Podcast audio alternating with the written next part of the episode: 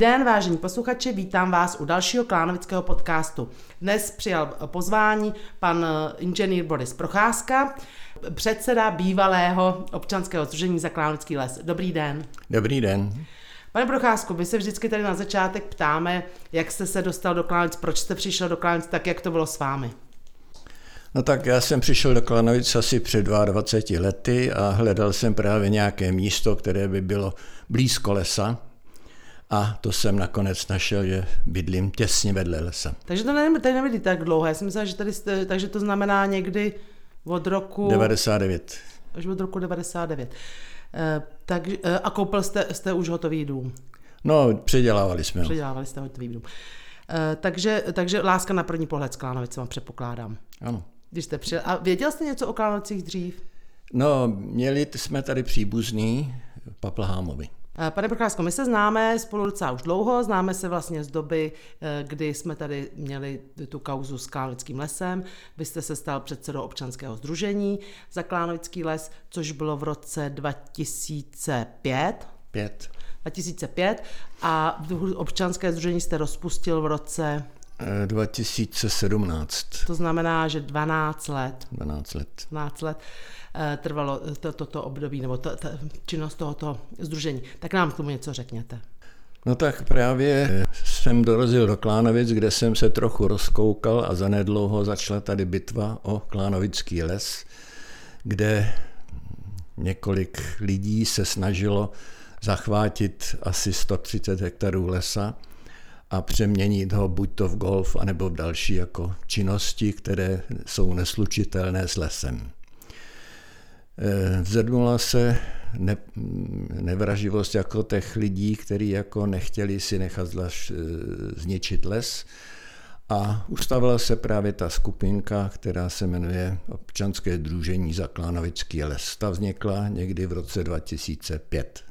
Bojovali jsme prakticky asi 8 let aktivně, než se nám podařilo ve spolupráci se širokým vedením nejenom Klánovic, ale i Prahy a okolí, který by neradi viděli, aby Klánovický les, která je nejlepší, bych řekl, oblast Prahy, byla zničena. Čili, že nebylo to jenom eh, naše vlastní přičinění, ale právě přičinění všech dalších oblastí, kteří nám pomohli v tom boji proti těmto lidem, kteří se snažili zničit část tohoto lesa. A jakou dobu považujete za takovou nejtěžší v té době? Trvalo to dlouho? No ta nejtěžší doba byla prakticky někdy mezi tím rokem 2010 až 2013, kde v podstatě kde v podstatě vrcholil ten boj za záchranu Klanovického lesa. Tehdy jsme měli problémy zejména s tím, že řada úředníků MHMP se snažila pomoci těmto lidem, aby získali Klánovický les ve svůj prospěch. Nakonec se nám podařilo, bych řekl, za spolupráce všech klánovických občanů nebo většiny klánovických občanů a Prahy a okolí a zveřejnění, řekněme, těchto událostí na veřejných prostředka, na eh, problém Klánovického lesa se stal jako eh, na úrovni celostátní. Na, na úrovni státní. Byla nějaká chvíle, kdy jste si říkal v těch letech, že, že už není šance? Vzdával jste to někdy, nebo jste vždycky jako říkal, no, ne, tak někdy to jsme možný. to nevzdávali, poněvadž eh, si řekl, ten boj byl sice nekonečný, ale určitý naděje zde byly. Pokud nebylo rozhodnutí MHMP, tak byly naděje, bych řekl, dosáhnout skutečně toho. To znamená, jenom aby jsem to upřesnila, dokud vlastně magistrát hlavního města Prahy ne, eh, vlastně s tím ne, vlastně tam, co jsme na nich čekali, vlastně magistrát hlavního města Prahy, my jsme od něj chtěli změnu územního plánu. Ano, tam jako měla být ta změna územního plánu, kde teda v podstatě ta oblast měla se dostat e, pouze na lesní prostory a zůstat, e, bych řekl, majitelům golfového hřiště pouze to, co je jejich vlastnictvím. Aby nema, a to se nakonec dál. podařilo tom roce 2013. S tím, že ještě měli v té, v té době ještě existovala ta smlouva o smlouvě budoucí s s ministerstvem zemědělství, neboli lépe řečeno z lesy ČR, kde vlastně bylo za korunu pro nájem vlastně zbytku toho, co potřebovali hmm. na tom lese. Teďko po letech, když na to se díváte, samozřejmě dopadlo to tak, jak to dopadlo, takže asi toho nelitujete, nebo litujete něčeho? Nelituju ničeho, řekněme, i když jako v této oblasti jsem nebyl zkušený, jsem ekonom, že jo, takže jsem se musel naučit různé věci ze stavebnictví a tak dále, z právních oblastí a podobně. Ale byl to určitě přínosem, protože skutečně ten les se nám podařilo po dlouhé obtížné době zachovat. A když tam do něj jdeme dneska podívat, tak si říkáme, že to opravdu stálo za to. To stálo za to. Uh, jak vidíte budoucnost toho lesa?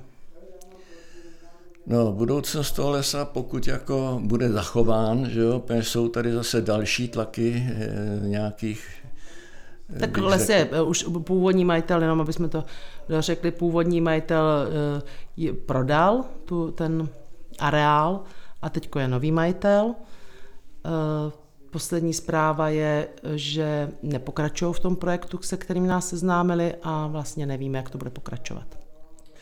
No právě je velká obava z toho, že zase toto je nějaký nesmyslný projekt, který nemá, bych řekl, opodstatnění v této oblasti. Všechny ty jejich nápady, které jsem viděl, e, jsou proti všem předpisům a zákonům.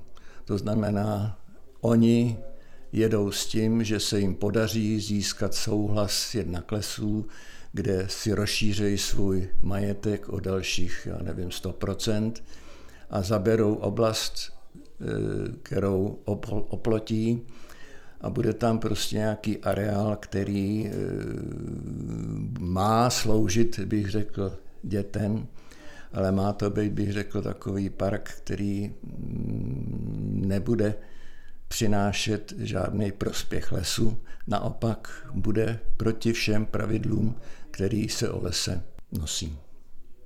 Tak v současné době ten les je vlastně v majetku státu částečně a v částečně v majetku lesa, eh, částečně v majetku Prahy. Takže tam jsou, a pak je tam ještě kus, který je ještě zatížený, eh, teda který, který patří, eh, který soukromý. Je to tak? Ano, to ano, celá tato plocha. Když mluvíme o celém lese, Ovšem, ano. bych řekl, ta plocha, kterou oni chtějí zabrat, to znamená asi, asi tři tisíce metrů, že jo, tak eh, chtějí eh, na lesích, lesy České republiky. Bohužel s těmi lesy České republiky nemáme příliš dobré zkušenosti, kde podléhají, bych řekl, tlaku těm investorů a povolejí jim to, co by jako normálně proti nebo co by povolit, povolit neměli. Jako správci, bych řekl, našeho majetku, majetku občanů. Co si třeba myslíte o tom, kdyby se podařilo hlavnímu městu Prahy získat nebo směnit třeba ty pozemky se státem za jiné pozemky? Myslíte, že by to bylo výhodné pro náš les? Že by byl třeba na většině eh, těch pozemcích by byl vlastníkem, eh, byl vlastníkem město? Já si myslím, že by to bylo přínosem, protože v celku jsem měl možnost se seznámit, bych řekl, s těmi lidmi, kteří provozují toto hospodaření s pražskými lesy. Vidím je i jejich aktivní činnost v okolí, kde založili eh, řadu hektarů, bych řekl, nového lesa a velmi o něj pečují. A bylo by i vhodné, aby v této oblasti oni měli svoji možné působiště, to znamená třeba místo té klubovny, aby měli oni nějaký zázemí technický. No tak na tohle tomu asi nejde, protože to je opravdu, uh, má jinou cenu eh, ten, areál než cena pozemku v uh, lese, kterou by třeba případně stát by třeba byl možná ochoten změnit ty pozemky, které patří hmm. státy, by byl ochotný směnit za zase za jiné pozemky někde s tím městem, ale tohle to jsme se samozřejmě by asi bylo nejlepší, kdyby tu klubovnu nebo ten areál celý koupil buď stát nebo město a, a po, podle toho by tam uh, něco s, s tím jako uh, něco účelného dělalo. Protože takhle, když to bude mít soukromý, uh, pozem, uh, když to bude v soukromých rukách, tak vždycky tam bude nějaký problém. Asi se, se dá předpokládat. Eh, co byste třeba řekl, co byste chtěl zkázat našim posluchačům ohledně lesa, ohledně Klánovic? No, já si myslím, že by měli být rádi, že bydlí v takové oblasti, která má, které má hezké okolí a že v podstatě je to taková lesní perla Prahy. tak to asi všichni víme, že vlastně Klánovický les je největším eh, lesem eh, v Praze. Je asi tak třikrát větší než druhý největší les, mm-hmm. což je Konratický, je to tak? Ano.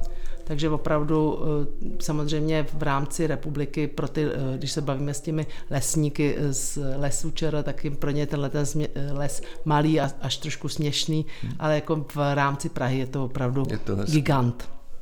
Eh, máte nějakou, eh, pane, pane Procházku, máte třeba nějaké přání, eh, případně radu, nebo naopak kritiku, něco, co byste měl na nás, tady na, na vedení městské části?